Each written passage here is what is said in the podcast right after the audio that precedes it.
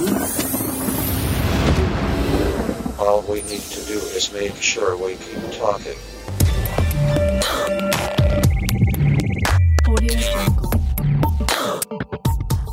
Przy mikrofonie Borys Kozielski. Witam serdecznie w kolejnej audycji z serii Nauka XXI wieku. Rozpoczynamy jedenasty sezon, to już jedenasty rok e, te audycje przygotowuję dla Was i bardzo cieszę się, że rośnie liczba mm, y, patronów, którzy wspierają audycję. Każdy może zostać patronem. Zapraszam gorąco, bo to duża przyjemność chyba współuczestniczyć w tworzeniu takiej audycji, a dzięki temu, że jest to wsparcie, ja mogę robić więcej audycji, mogę się bardziej zaangażować. No i e, właśnie Nobel 2020, Nobel z fizyki staje się takim stałym punktem e, w rocznym programie e, tego podcastu. E, a dzisiaj wybrałem się na Uniwersytet Warszawski do profesora Marka Demiańskiego, dzień dobry, z którym rozmawialiśmy już kilka razy i nagrania są oczywiście dostępne. Pierwszy raz w 2011 roku na temat zaćmienia, pełnego zaćmienia Słońca. Możecie tej audycji ciągle posłuchać, jest dostępna w, w archiwum podcastu. Później rozmawialiśmy, mm, znaczy ja nagrałem taki e, wykład e, pana profesora Przyspieszający Wszechświat, bardzo ciekawy tak. E, wykład, ciągle jest do posłuchania, tak samo jak ta pierwsza audycja.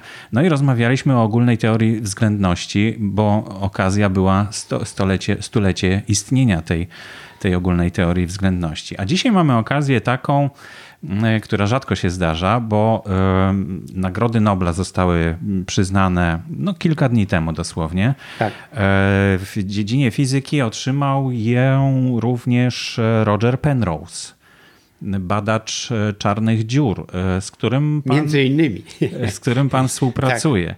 Tak. Między innymi.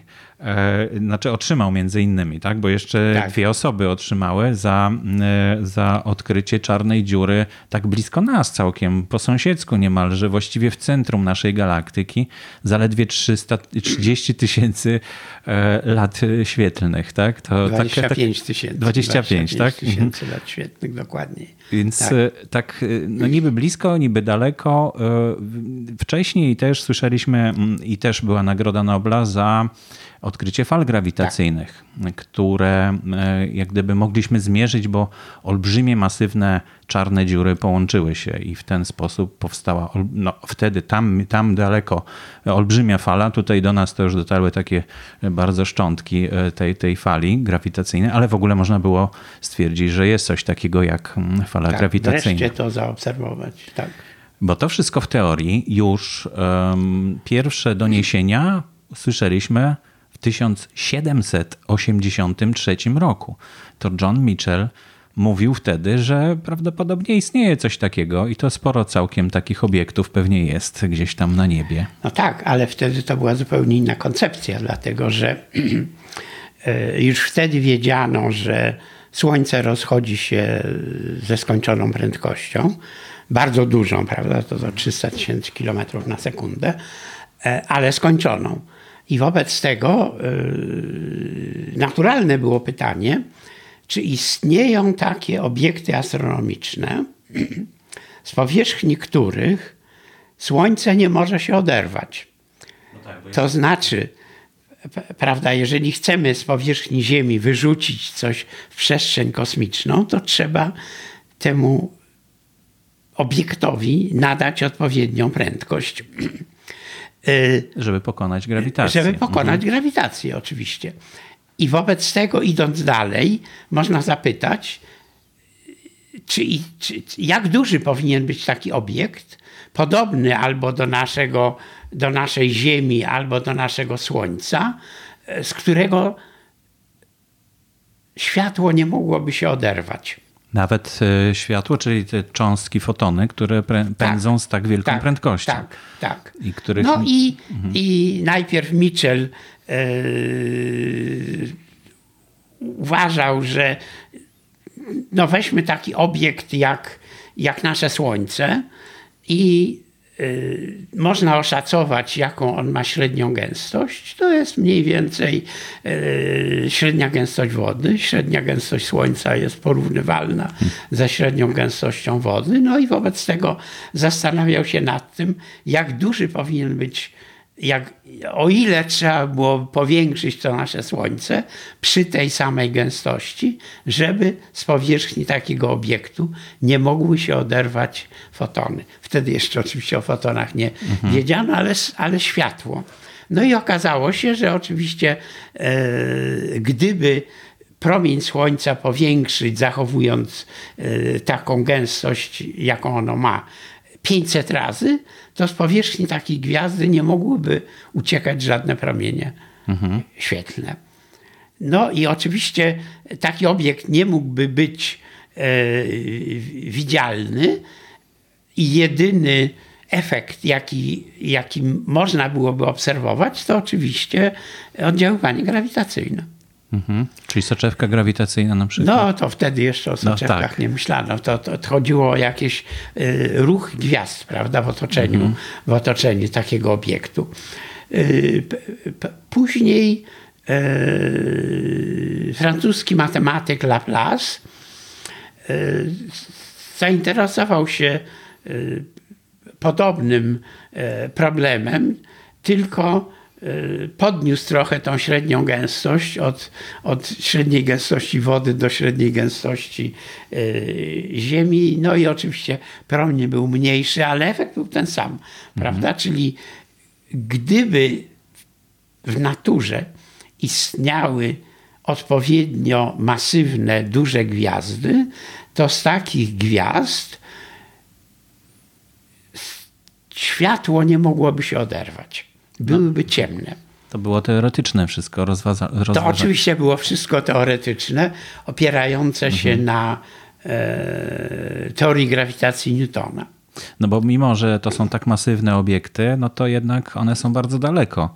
A ten tutaj blisko, w centrum e, naszej galaktyki, jest zasłaniany przez mm, setki innych, miliony innych gwiazd. Tak. tak nie da się go zauważyć tak, chyba w ogóle. Tak. Ale, ale teraz kontynuując, mhm. jak, jak to było dalej z y, tymi, z tymi czarnymi dziurami. Otóż y, kiedy Einstein w końcu w roku 1915 sformułował ostateczną wersję swojej ogólnej teorii względności, to bardzo krótko, rok później, y, niemiecki młody wówczas astronom Karl Schwarzschild rozwiązał te równania próbując zbudować model gwiazdy, czyli interesował się polem grawitacyjnym, ale już tym relatywistycznym, generowanym przez sferycznie symetryczny rozkład materii. Znalazł takie rozwiązanie ku y, wielkiemu zdziwieniu Einsteina, który uważał, że te jego równania są tak skomplikowane, że nikt nigdy nikt nie, nie znajdzie mhm. ścisłego rozwiązania. I y, okazało się, że to rozwiązanie ma bardzo dziwne własności. To znaczy, istnieje taka sfera, której promień jest bardzo niewielki. E, nazywa się teraz sferą Schwarzschilda. Dla naszego Słońca promień takiej sfery Schwarzschilda to jest mniej więcej 3 km, a dla Ziemi to jest mniejszy niż, niż, niż rozmiar piłeczki ping-pongowej. Mhm, czyli to jest taki promień, do którego należałoby ścisnąć? Tak tą tak, masę, tak, tak, żeby tak, uzyskać czarną uzyskać dziurę. coś takiego, coś Aha. takiego.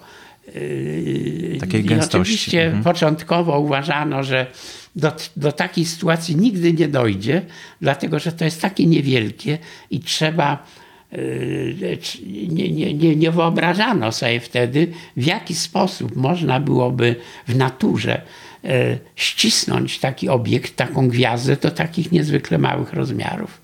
Mhm.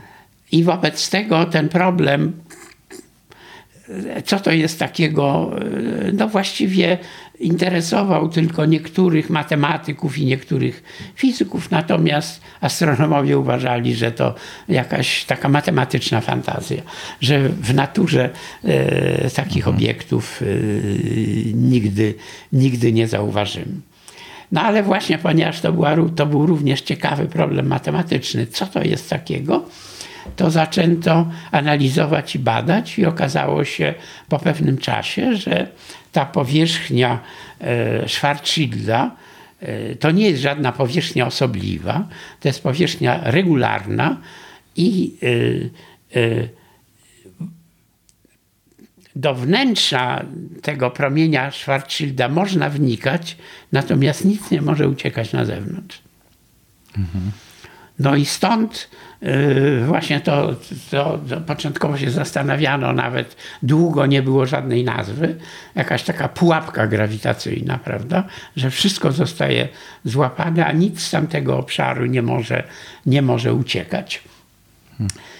Teraz yy, dalsza część tej historii yy, zaczęła się tak naprawdę yy, po II wojnie światowej, kiedy Yy,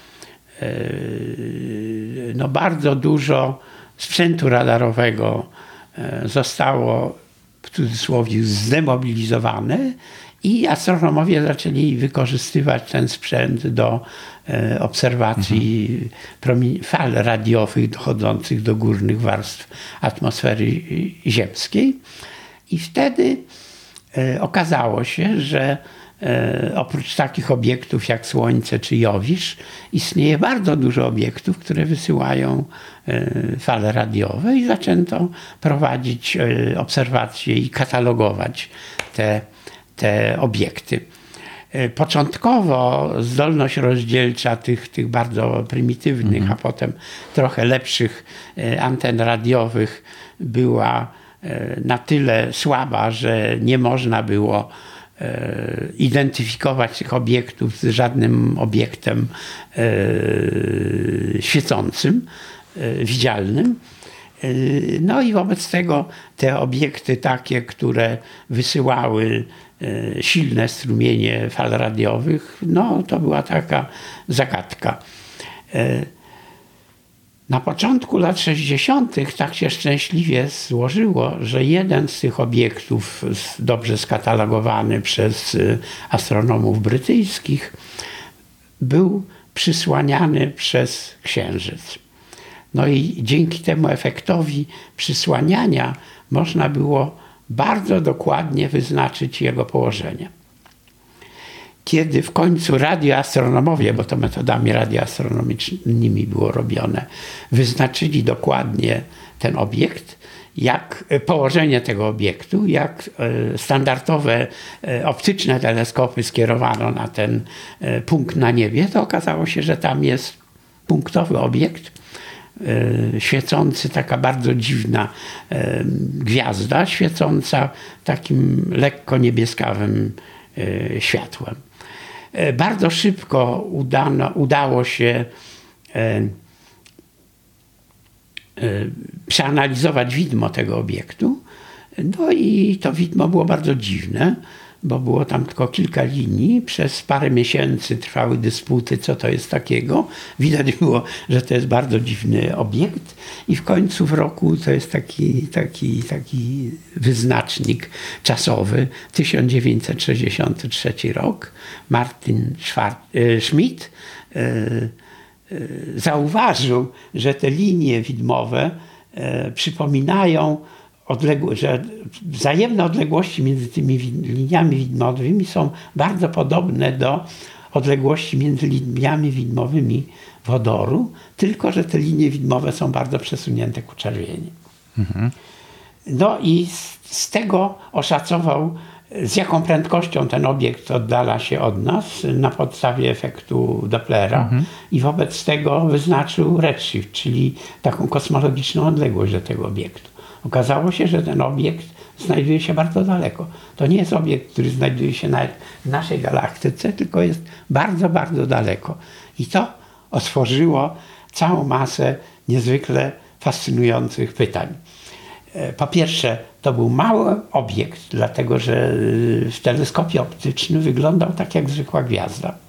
Natomiast emitował horrendalne ilości energii.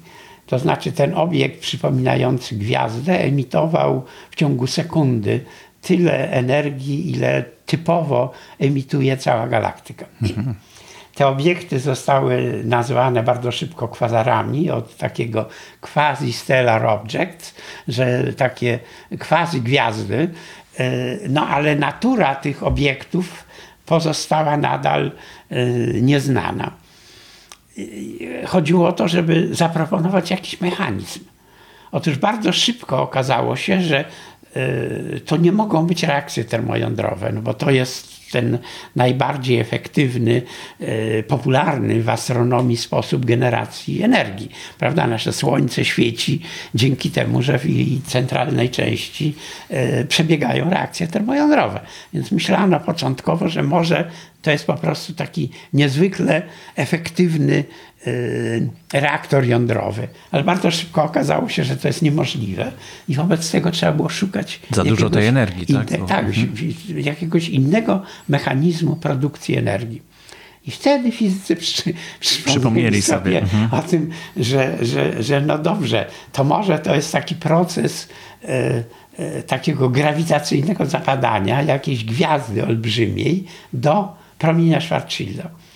Bo wtedy wydziela się ogromna ilość energii grawitacyjnej. Jak mhm. ją przemienić na energię e, e, elektromagnetyczną fotonów, to jest inny problem, ale w każdym razie, jeżeli chodzi o taki bilans energii, to to jest możliwe. Czyli z takiego, z takiego przypuszczenia, że te kwazary to mogą być czarne dziury, y, zaczęła się właściwie nowa fala zainteresowania tym, co to jest Takimi takiego obiektami. czarna dziura. Mm -hmm. Co to jest takiego czarna dziura. No i tu zaczyna się, i tu zaczyna się, zaczyna się Roger Penrose. Y ja poznałem Rogera Penrose'a tu w Warszawie w 1962 roku, mhm. bo on jako no, no, no jeszcze wtedy jeszcze wtedy właściwie e doktorant e, przyjechał do Warszawy na e, taką dużą konferencję grawitacyjną, na której była cała śmietanka e, fizyków światowych. No i tu e,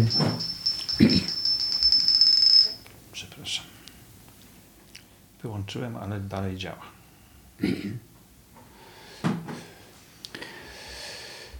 W 1962 roku. W 1962 mhm. roku y, Roger Penrose przyjechał do Warszawy na taką dużą międzynarodową konferencję poświęconą teorii grawitacji.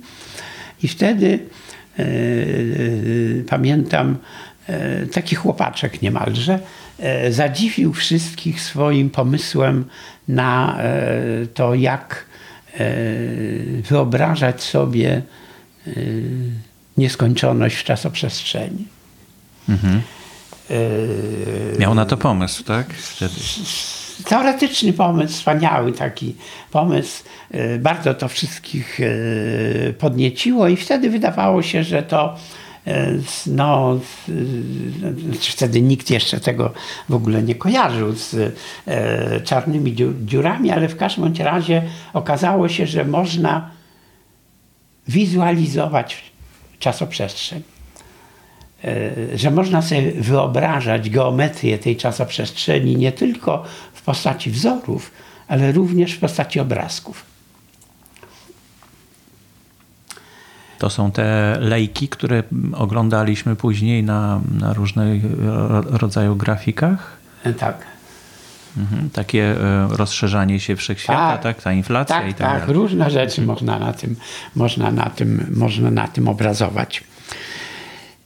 Otóż niezależnie od tego, prawda, wtedy w Jabłonnej w 1962 roku E, słowo czarna dziura nie padło nigdy. Nikt nigdy nie wspominał nawet o czarnych dziurach.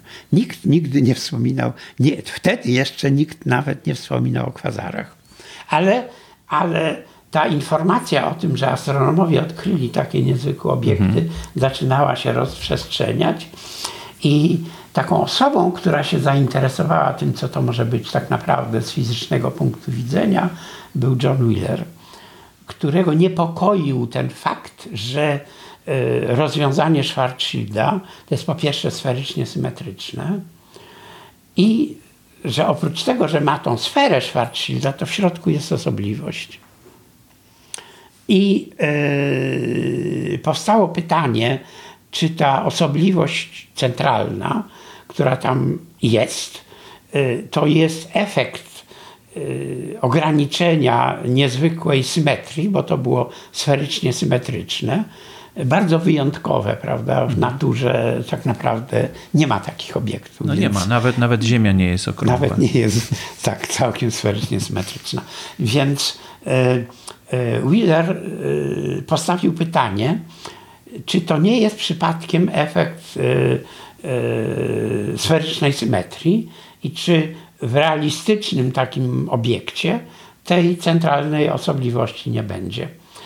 Bardzo szybko, bo już w 1963 roku Roy Kerr znalazł inne ścisłe rozwiązanie równania Einsteina, które jak teraz wiemy opisuje obracającą się czarną dziurę.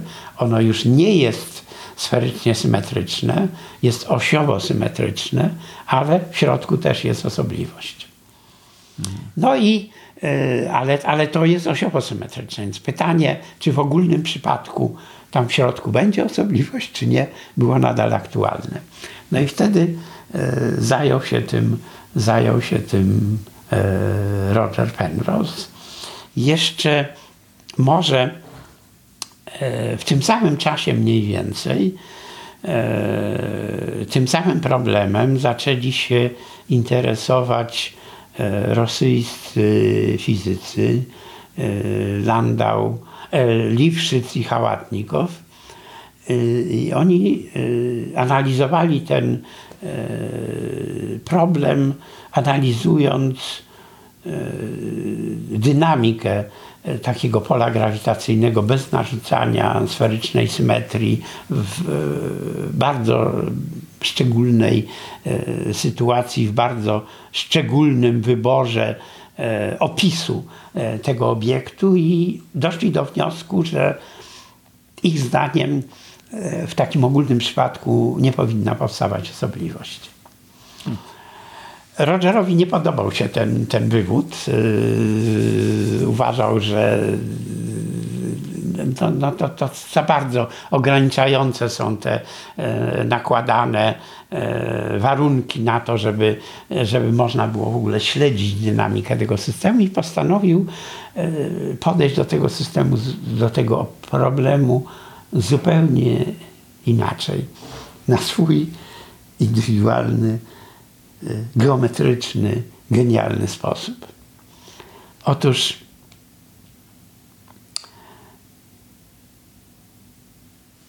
zrozumiał, że żeby opisać taką ewolucję takiego układu dowolnego, bez narzucania żadnych ograniczeń na symetrię, tego się nie da zrobić analitycznie. To znaczy właśnie, że to podejście e, Liwszica i Hałatnikowa no nie może zadziałać, dlatego że ten, ten obiekt jest niezwykle skomplikowany. To się po prostu analitycznie zrobić nie da. Trzeba spróbować opisać to geometrycznie. I wtedy, i wtedy wpadł na taki genialny pomysł, że przecież jeżeli taki układ będzie podlegał temu grawitacyjnemu zapadaniu, chociaż on nie jest symetryczny, to przy pewnym zgęszczeniu powinno dojść do takiej sytuacji, że można go będzie zamknąć w powierzchnię sfery o niezwykłych własnościach.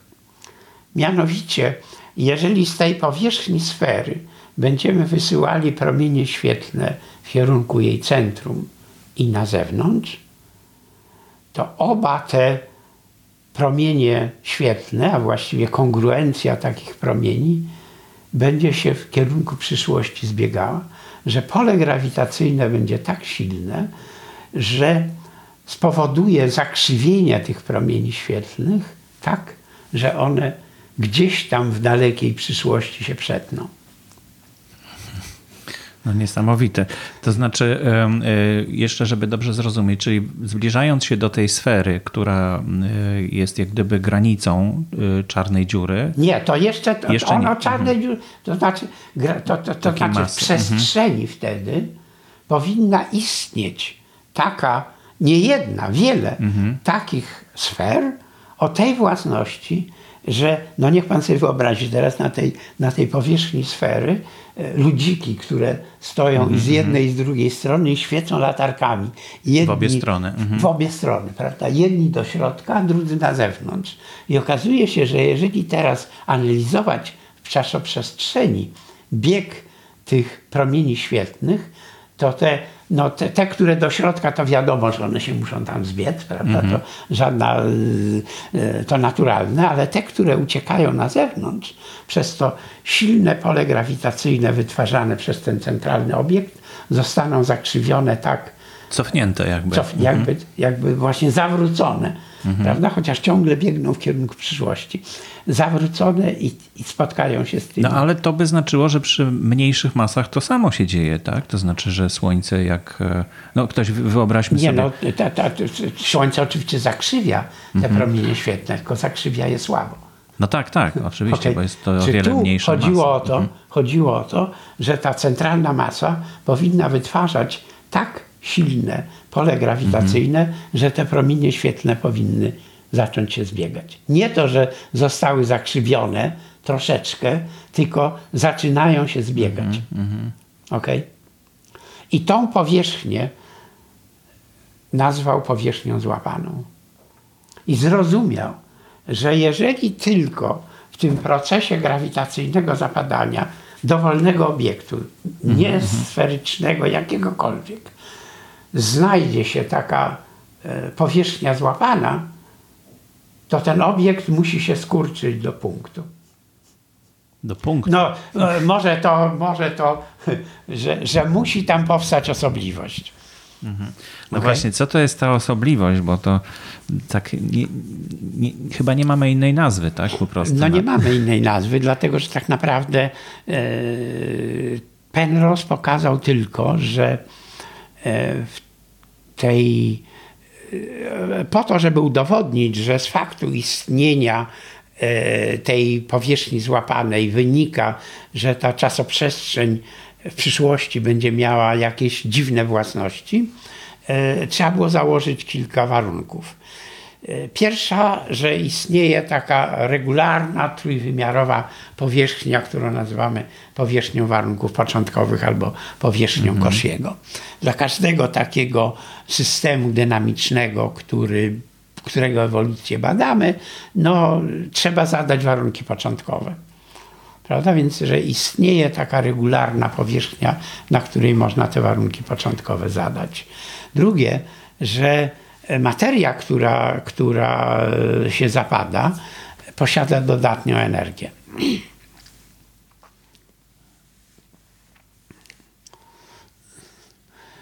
No i do tego dodał jeszcze e, e, warunek o, o taki, taki e, że ta przestrzeń, w której to zachodzi, nie ma jakichś egzotycznych własności przyczynowych. I pokazał, że te, że, te, że, te, że te warunki, że ta powierzchnia, że ta przestrzeń jest regu, ta przestrzeń która powstaje z wyewoluowania tych początkowych warunków, nie może być regularna. Czyli mamy właściwie, właściwie trzy możliwości. Albo ten, ta materia skurczy się do nieskończonej gęstości, albo krzywizna przestrzeni stanie się nieskończona, hmm albo z jakichś powodów, nie wiadomo jakich, tego nie, Penrose nie precyzował, nie można będzie przedłużyć niektórych promieni świetlnych.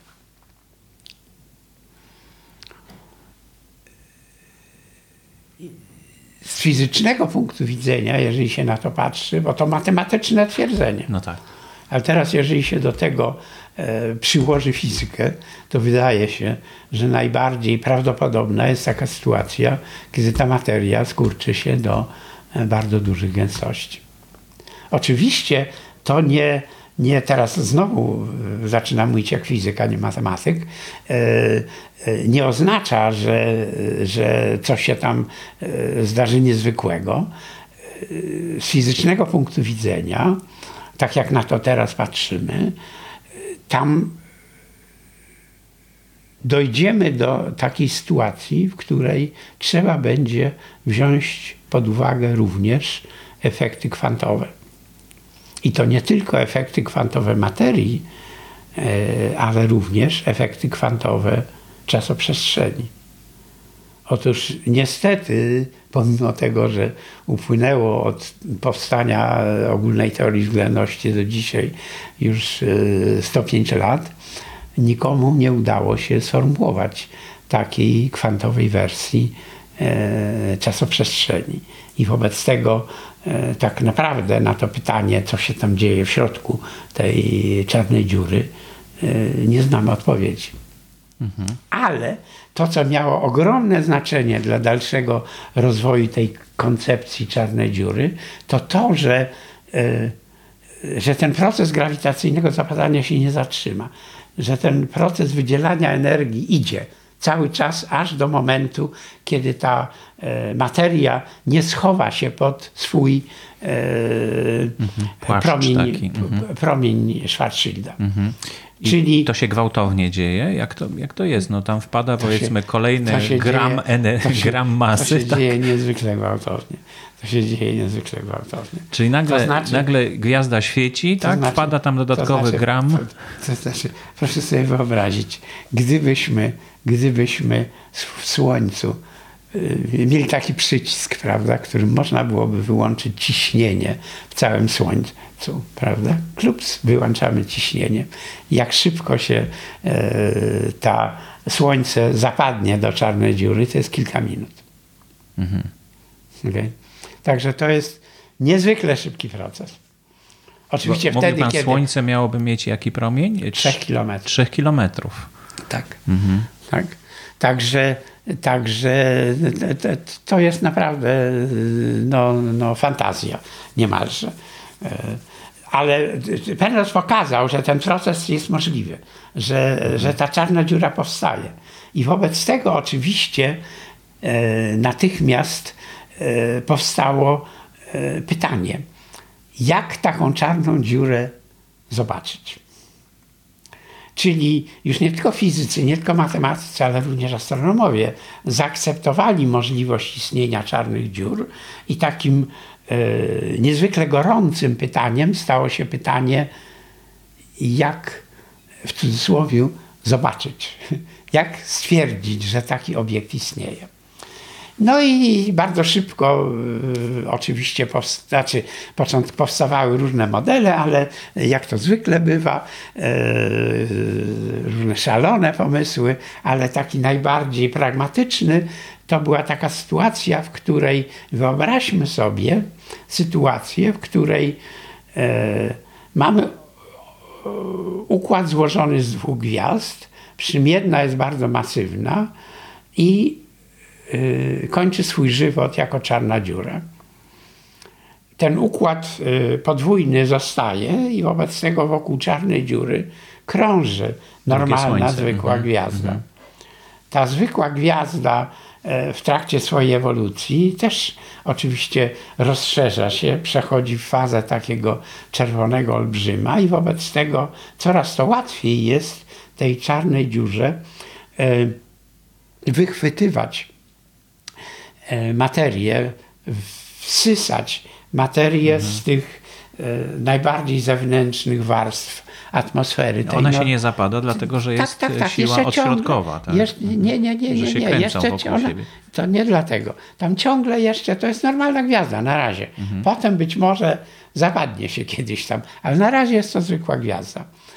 Czyli mamy czarna dziura, zwykła gwiazda i ten gaz, który, który ta gwiazda, ta czarna dziura wsysa, ale ten gaz nie może bezpośrednio wpaść do czarnej dziury, no bo on ma e, zasada zachowania momentu pędu, uniemożliwia taki proces. On musi, on tworzy taki dysk akrecyjny, czyli krąży przez jakiś tam długi czas wokół mhm. tej czarnej dziury ten dysk akrecyjny, pomimo tego, że to jest po prostu gaz, albo raczej e, mówiąc bardziej poprawnie, plazma, e, tam jest bardzo e, mała lepkość, ale pomimo tego, że to jest mała lepkość, on tam porusza się z bardzo dużą prędkością, ta lepkość powoduje nagrzewanie tego dysku i wobec tego w otoczeniu tego, tego obszaru dysku bliskiego czarnej dziury, tam temperatura tego gazu może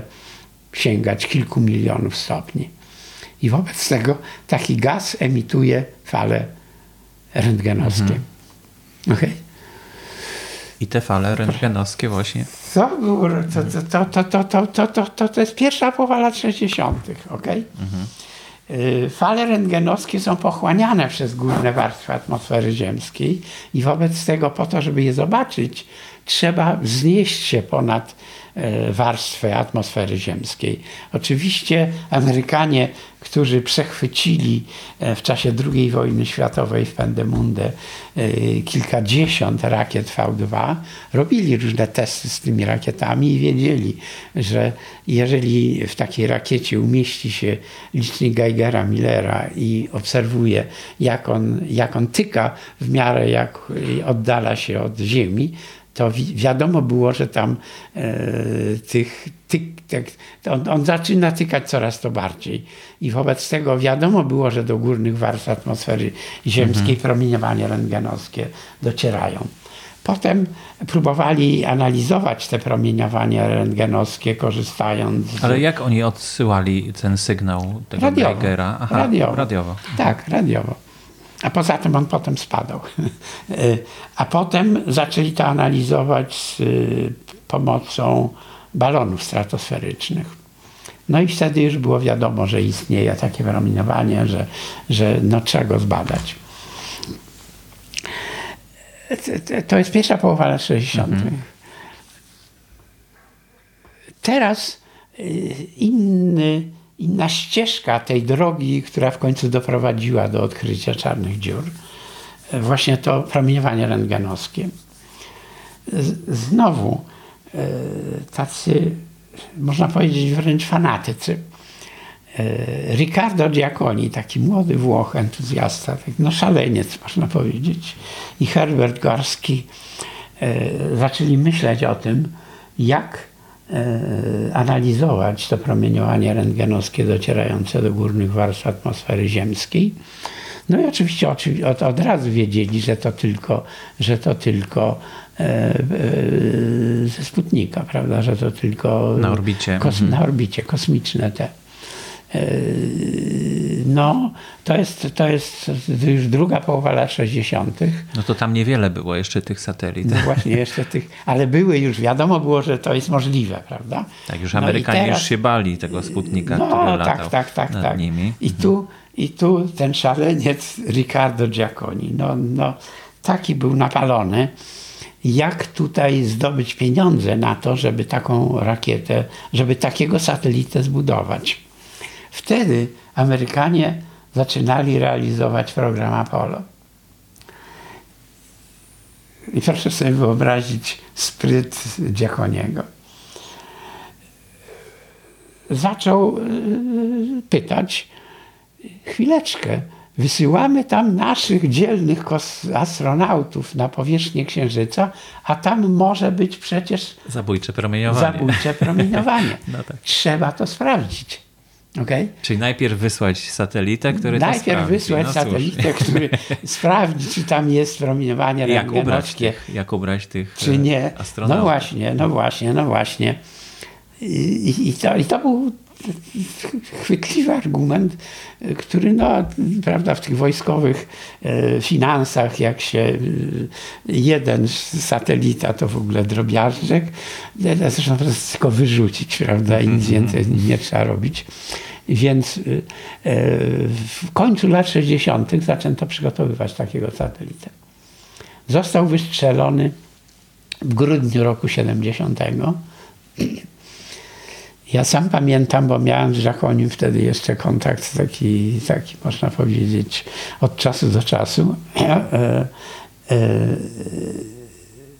I pamiętam, jak on mi przysłał informację,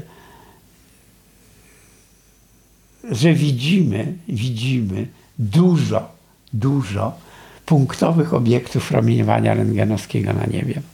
I w ciągu pierwszych trzech miesięcy ten satelita odkrył około 300 takich obiektów. Wśród tych obiektów odkrył i badał przez e, parę miesięcy taki obiekt, który się nazywa Cygnus X1. To jest najjaśniejszy obiekt w gwiazdozbiorze Łabędzia. E, zauważyli, e, że ten obiekt, intensywność promieniowania rentgenowskiego fluktuuje z okresem około Pulsuje. jednej sekundy. Pulsuje z okresem jednej sekundy. To od razu pokazało, że po to, żeby, że to musi być mały obiekt.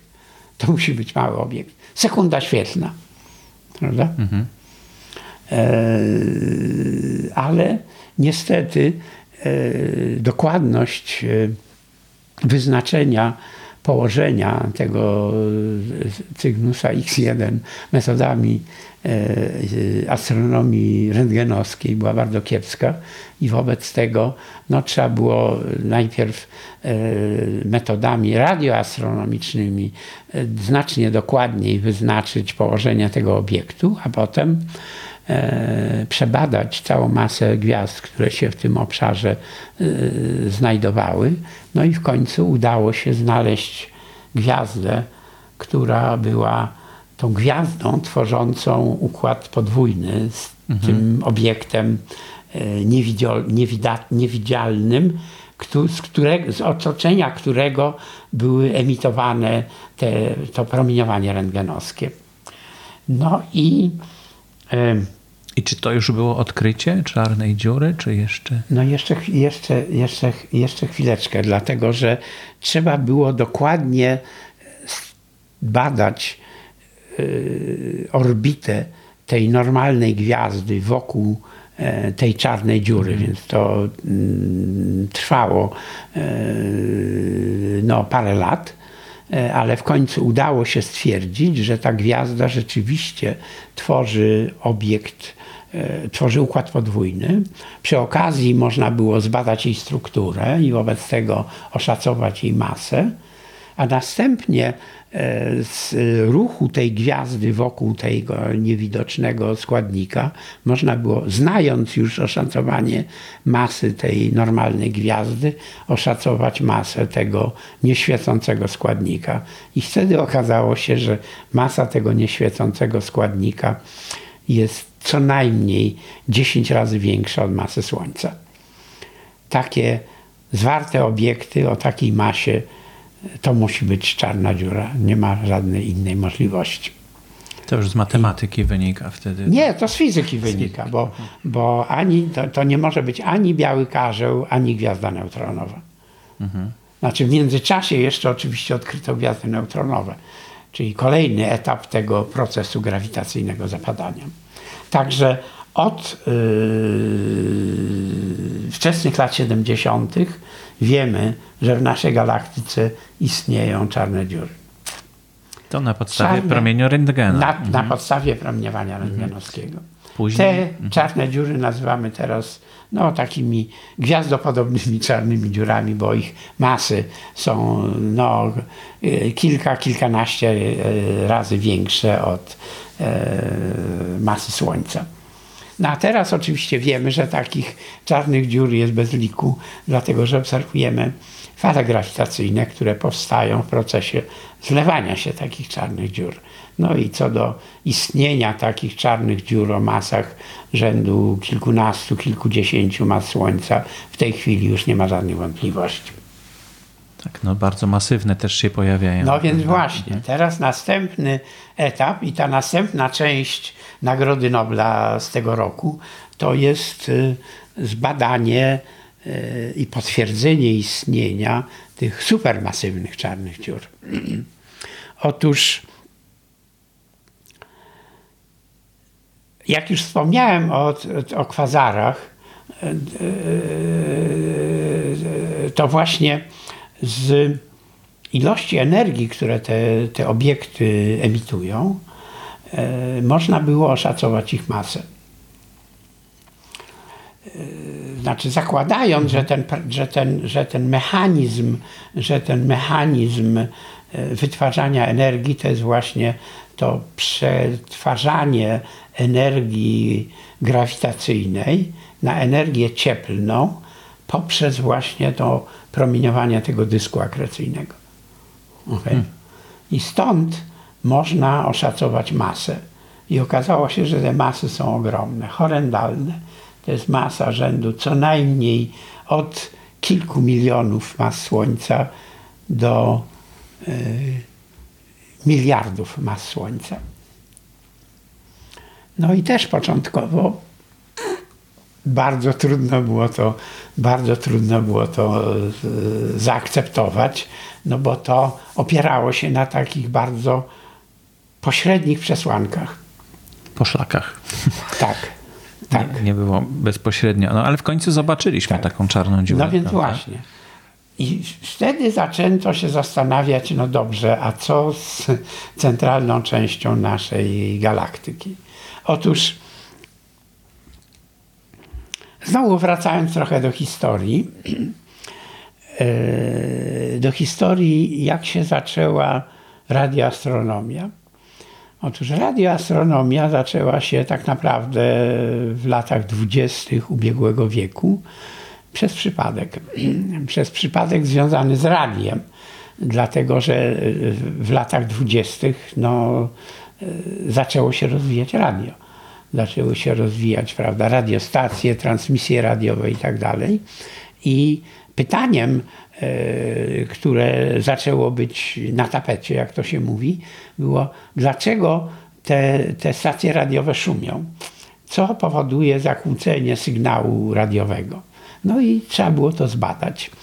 I wtedy e, nasz rodak, Karol Jański, który pracował w Stanach, w Bell Lab, E, postanowił sprawdzić, co, skąd, skąd, się, bierze, mhm. skąd się bierze ten szum.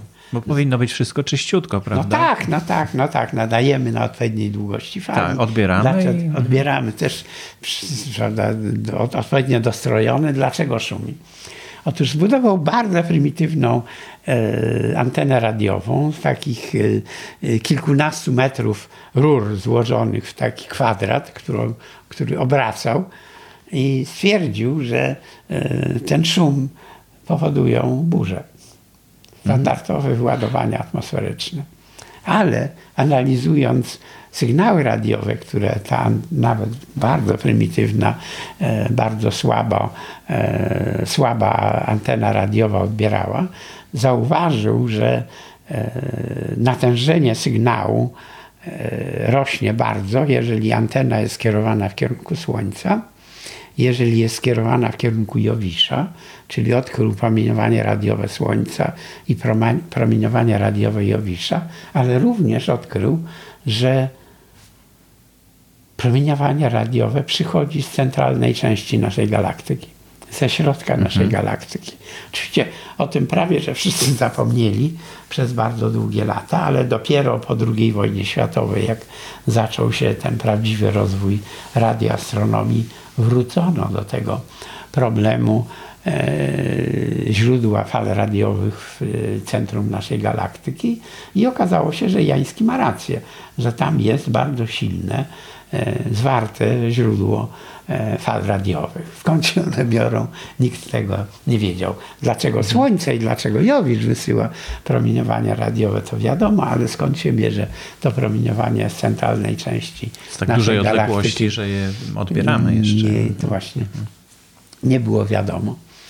No i potem, i potem oczywiście jak, jak już zaczęła się rozwijać e, astronomia rentgenowska, no to oczywiście te, te teleskopy rentgenowskie na satelitarne zwrócono w kierunku środka naszej galaktyki.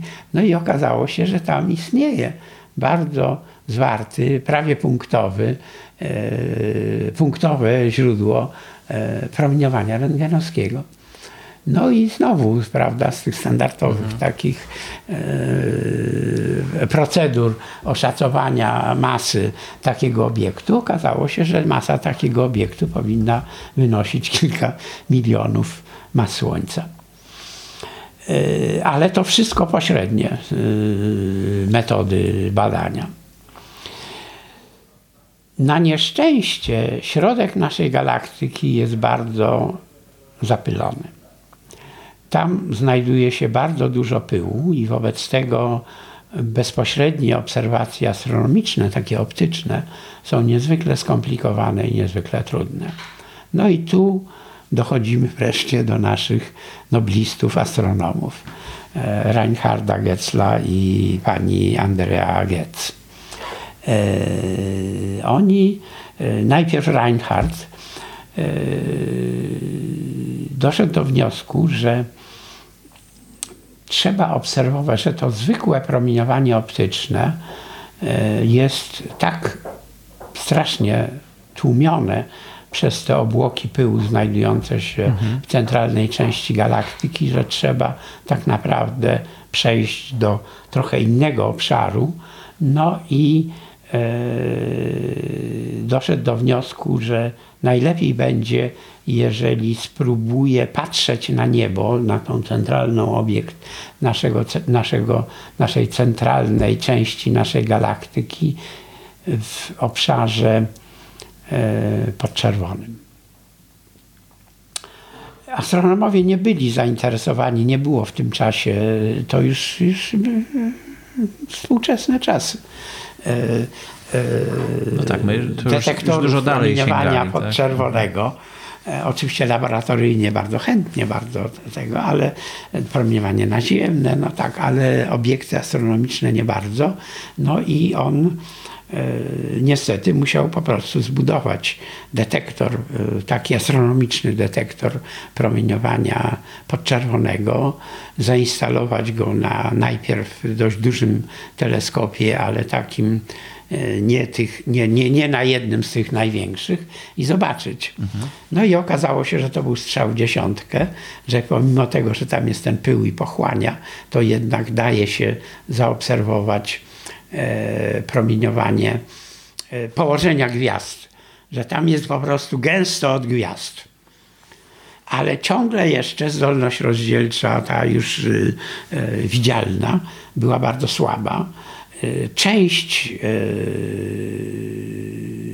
to było to, te, te, ten pył znajdujący się w centralnej części galaktyki, ale również spora część była tego, tego rozmycia e, tych obiektów była spowodowana przez fluktuację powietrza w naszej atmosferze ziemskiej.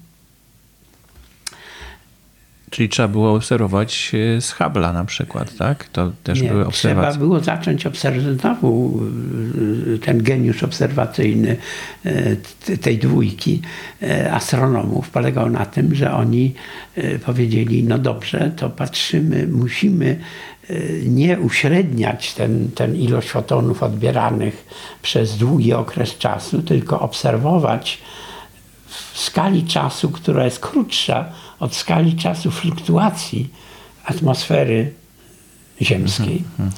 I to jest sekunda. Czyli trzeba było podnieść efektywność tych detektorów podczerwonych, bo oczywiście jak obserwujemy ten obiekt w bardzo krótkim odstępie czasu, to rejestrujemy coraz mniej fotonów. I wobec tego, żeby widzieć cokolwiek, efektywność tego detektora powinna być coraz to większa.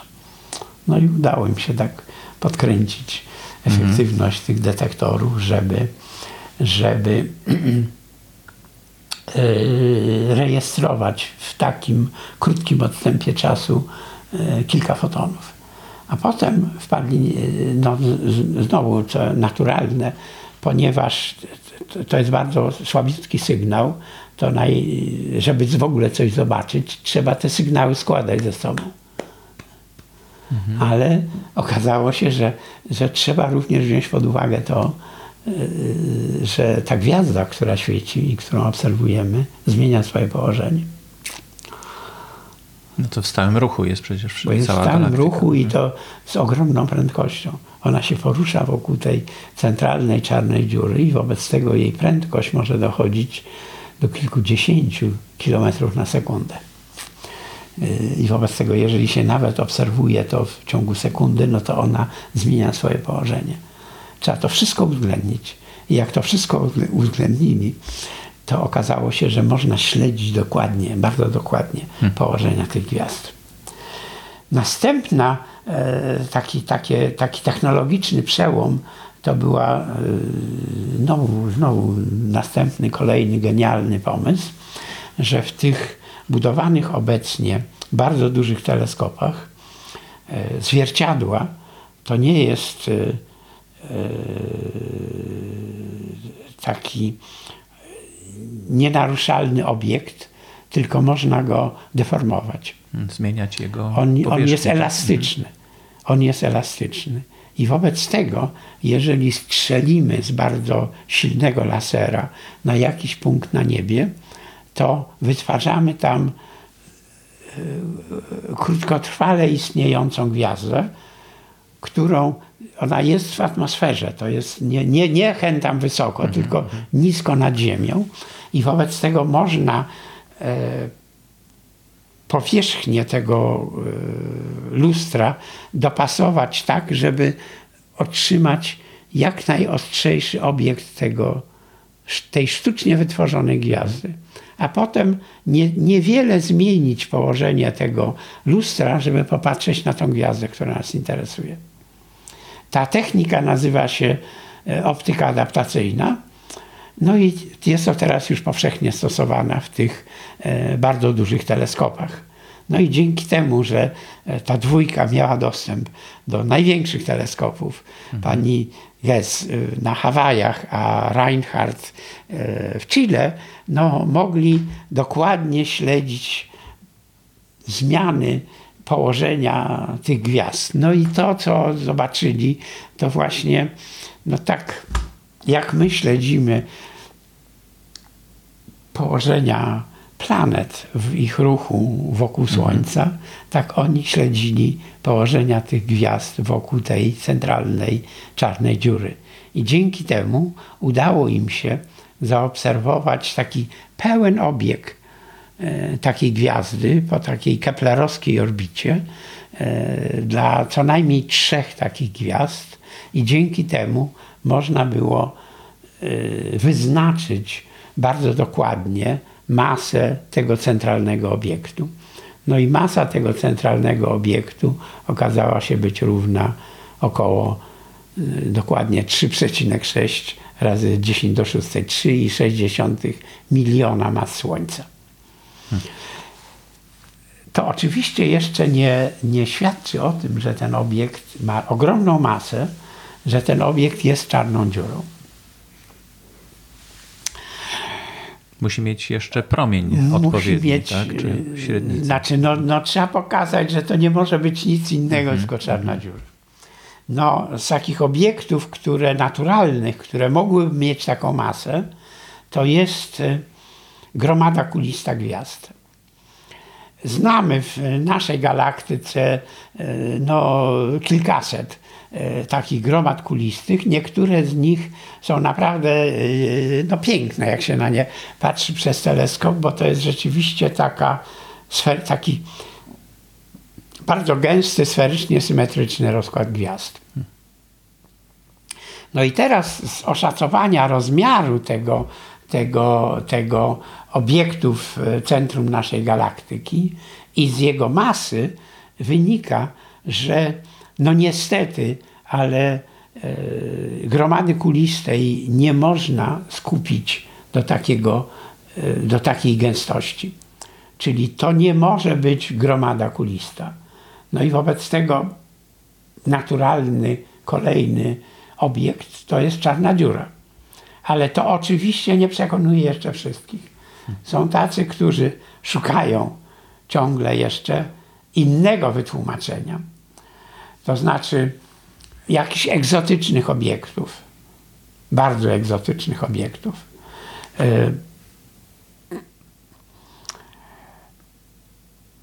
No bo gromada kulista to też jest dosyć egzotyczny Nie, nie, nie, obiekt, nie, nie, nie, nie, nie. To już tego jest bardzo dużo. To jest już taki, No ale to taki dlaczego dość, one się... dość standardowy, dość typowy, dość, typowa, dość typowy element składowy yy, właśnie galaktyki. No dziś Także- mówimy o czarnej dziurze, więc zostajmy Tak, przy, przy czarnej przy dziurze. czarnej dziurze. Tak, bo te gromady kuliste Także, też ciekawe. także yy, no, no tu na, na, to, to, to, to, to, to tak naprawdę teraz dochodzimy już do skali czasu ostatnich dni, czy ostatnich miesięcy.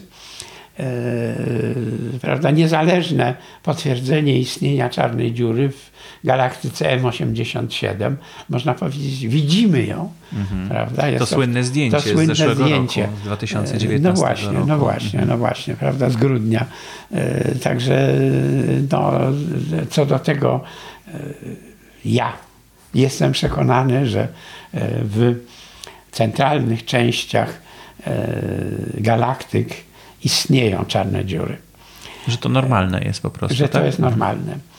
Oczywiście ciągle e, tak naprawdę, i to jest niesłychanie interesujące, ja się tym teraz też e, zajmuję, skąd się takie supermasywne czarne dziury tam wzięły. Jak powstają takie czarne dziury o masach e, kilkudziesięciu e, mas Słońca, to wiemy. To jest grawitacyjne zapada, zapadanie bardzo masywnych gwiazd.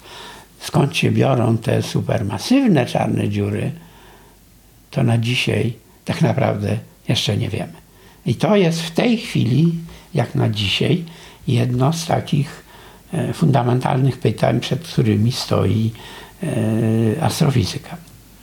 Drugim takim fundamentalnym pytaniem, które stoi przed, e, już powiedziałbym teraz, fizyką raczej niż astrofizyką, to jest pytanie, co się dzieje w środku tej czarnej dziury. No właśnie, to jest, to jest największa tajemnica czy tam, chyba. Czy tam, czy tam e, no powstaje, e, znaczy co się dzieje z tą materią, która padła do, do tej czarnej dziury?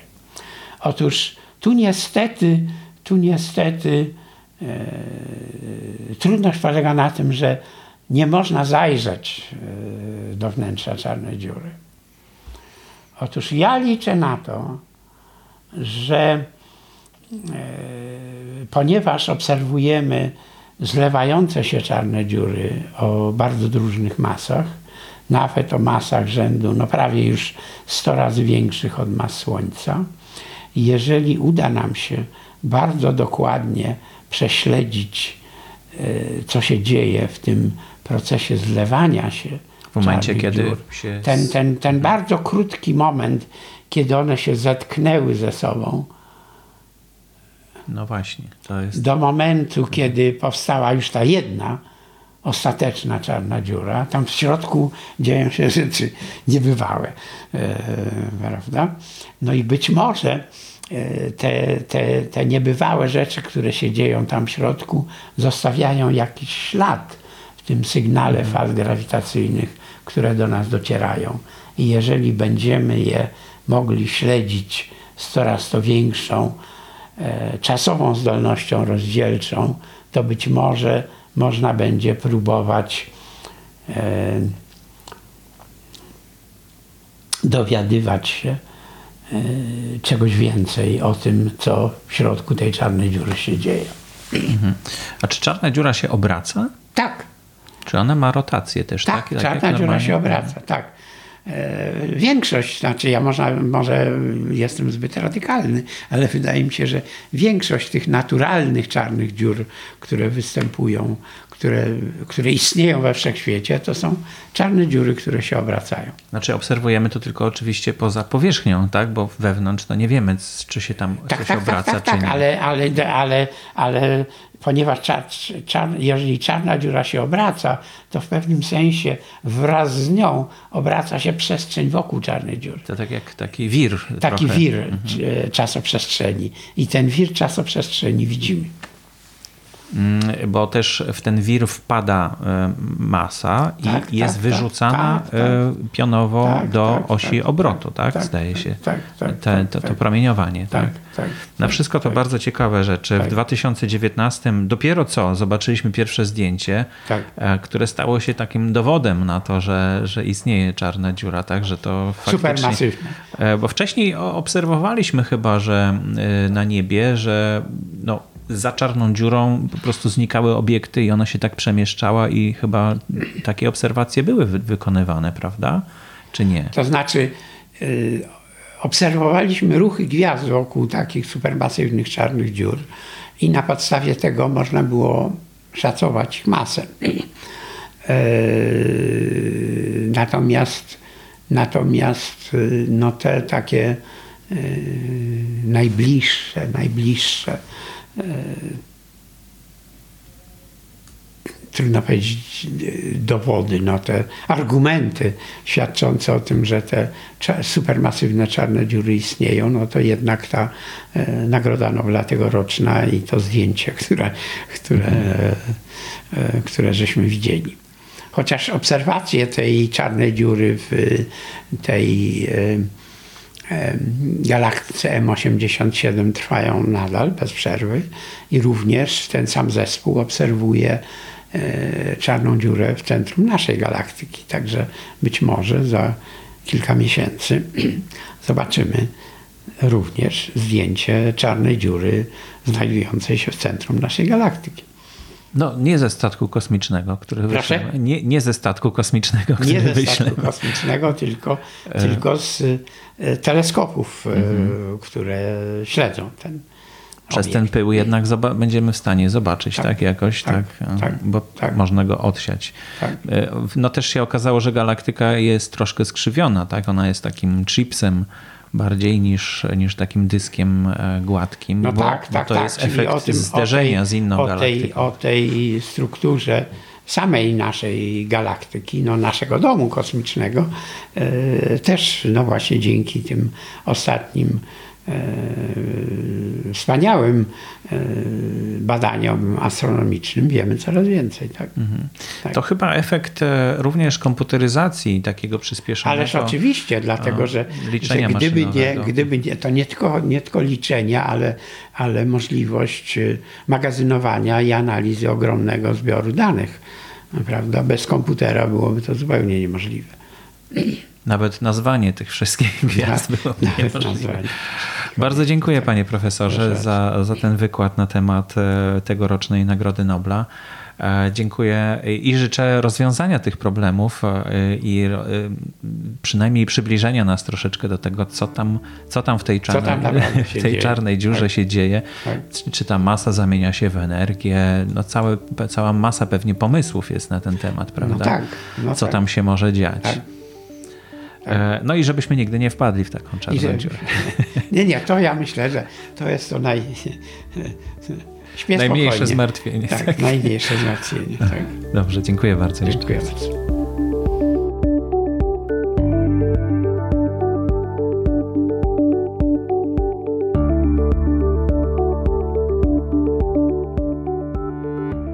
I to już prawie wszystko w dzisiejszej audycji. E, Dziękuję Wam bardzo za uwagę.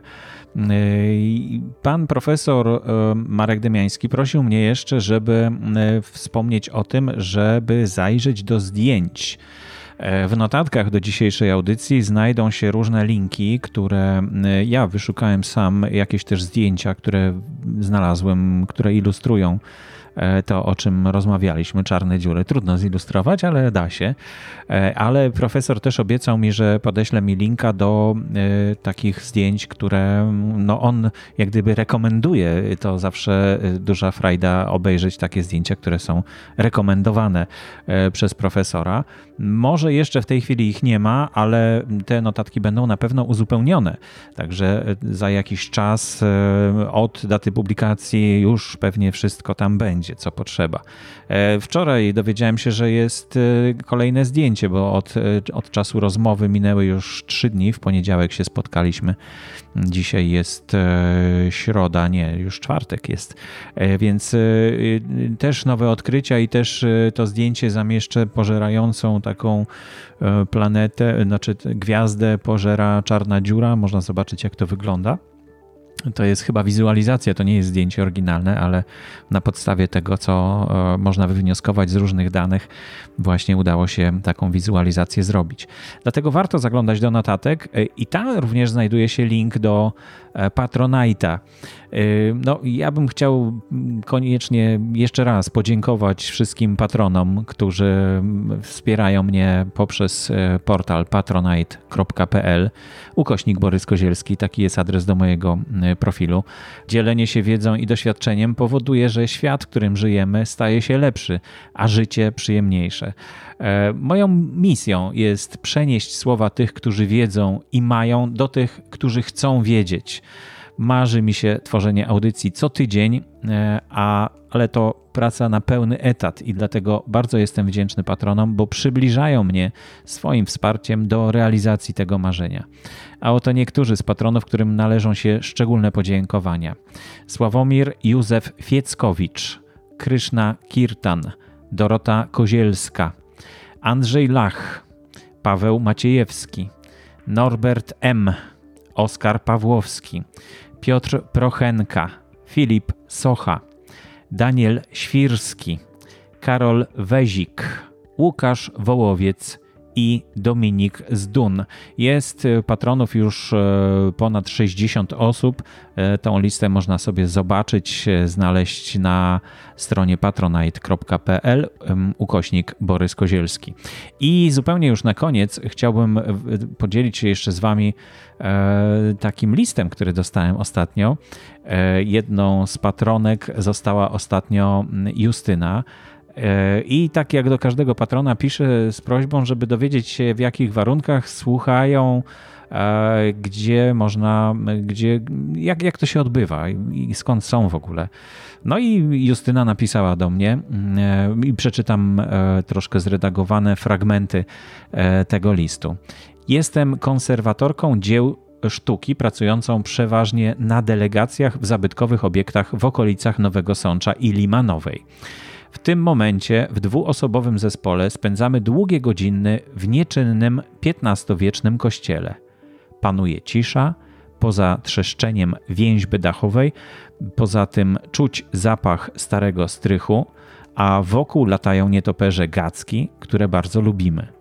Świat podcastów odkryłam dopiero w te wakacje dzięki koleżankom z rusztowania Jedna z nich poleciła mi ten kanał, Naukę XXI wieku. Zacząłem słuchać od końca, to jest od wykładu Glacjobiologia e, i jestem już przy zorzy polarnej. I sama nie wiem, które wykłady podobały mi się najbardziej. Na pewno podcasty o depresji, GMO i elektrowni jądrowej rozwiązały, rozwiały e, siedzące w mojej głowie mity. Twoje wywiady to miód dla mojego mózgu, bo dzięki nim monotonne części pracy konserwacji upływają w większym skupieniu. Dodatkowo czuję, że się uczę. Jestem przekonana, że wielu innych konserwatorów także słucha Twoich audycji. Jeśli jesteś przekonana, to pozdrawiam wszystkich konserwatorów. W takim razie miło mi gościć e, w Waszej pracy i powodować, że ten czas e, poświęcacie nie tylko na rekonstrukcję dzieł sztuki e, i zabytków naszych, ale również możecie w ten sposób e, uczestniczyć w zdobywaniu wiedzy i poszerzać swoje horyzonty. Bardzo dziękuję za ten list. Naprawdę miło się go czytało. I zapraszam do dzielenia się z innymi. Mamy grupę na Facebooku e, Nauka XXI wieku. Jest też grupa specjalna dla patronów, ale to zamknięta grupa. E, także zapraszam do obu tych grup. Jeśli ktoś chce zostać patronem, przypomnę adres patronite.pl ukośnik Borys Kozielski. Także zapraszam bardzo e, gorąco do słuchania audycji, wszystkich poprzednich i wszystkich następnych. Już szykuję kolejnych kilka audycji, mam kilka planów. Już jedna jest nagrana, ale czeka jeszcze na autoryzację niektórych faktów, które tam były podawane, więc e, no, e, możemy, możecie się spodziewać w najbliższym czasie no, kilku audycji, które w tym jedenastym, kolejnym jedenastym roku trwania audycji będą publikowane. Dziękuję bardzo w takim razie jeszcze raz i do usłyszenia następnym razem.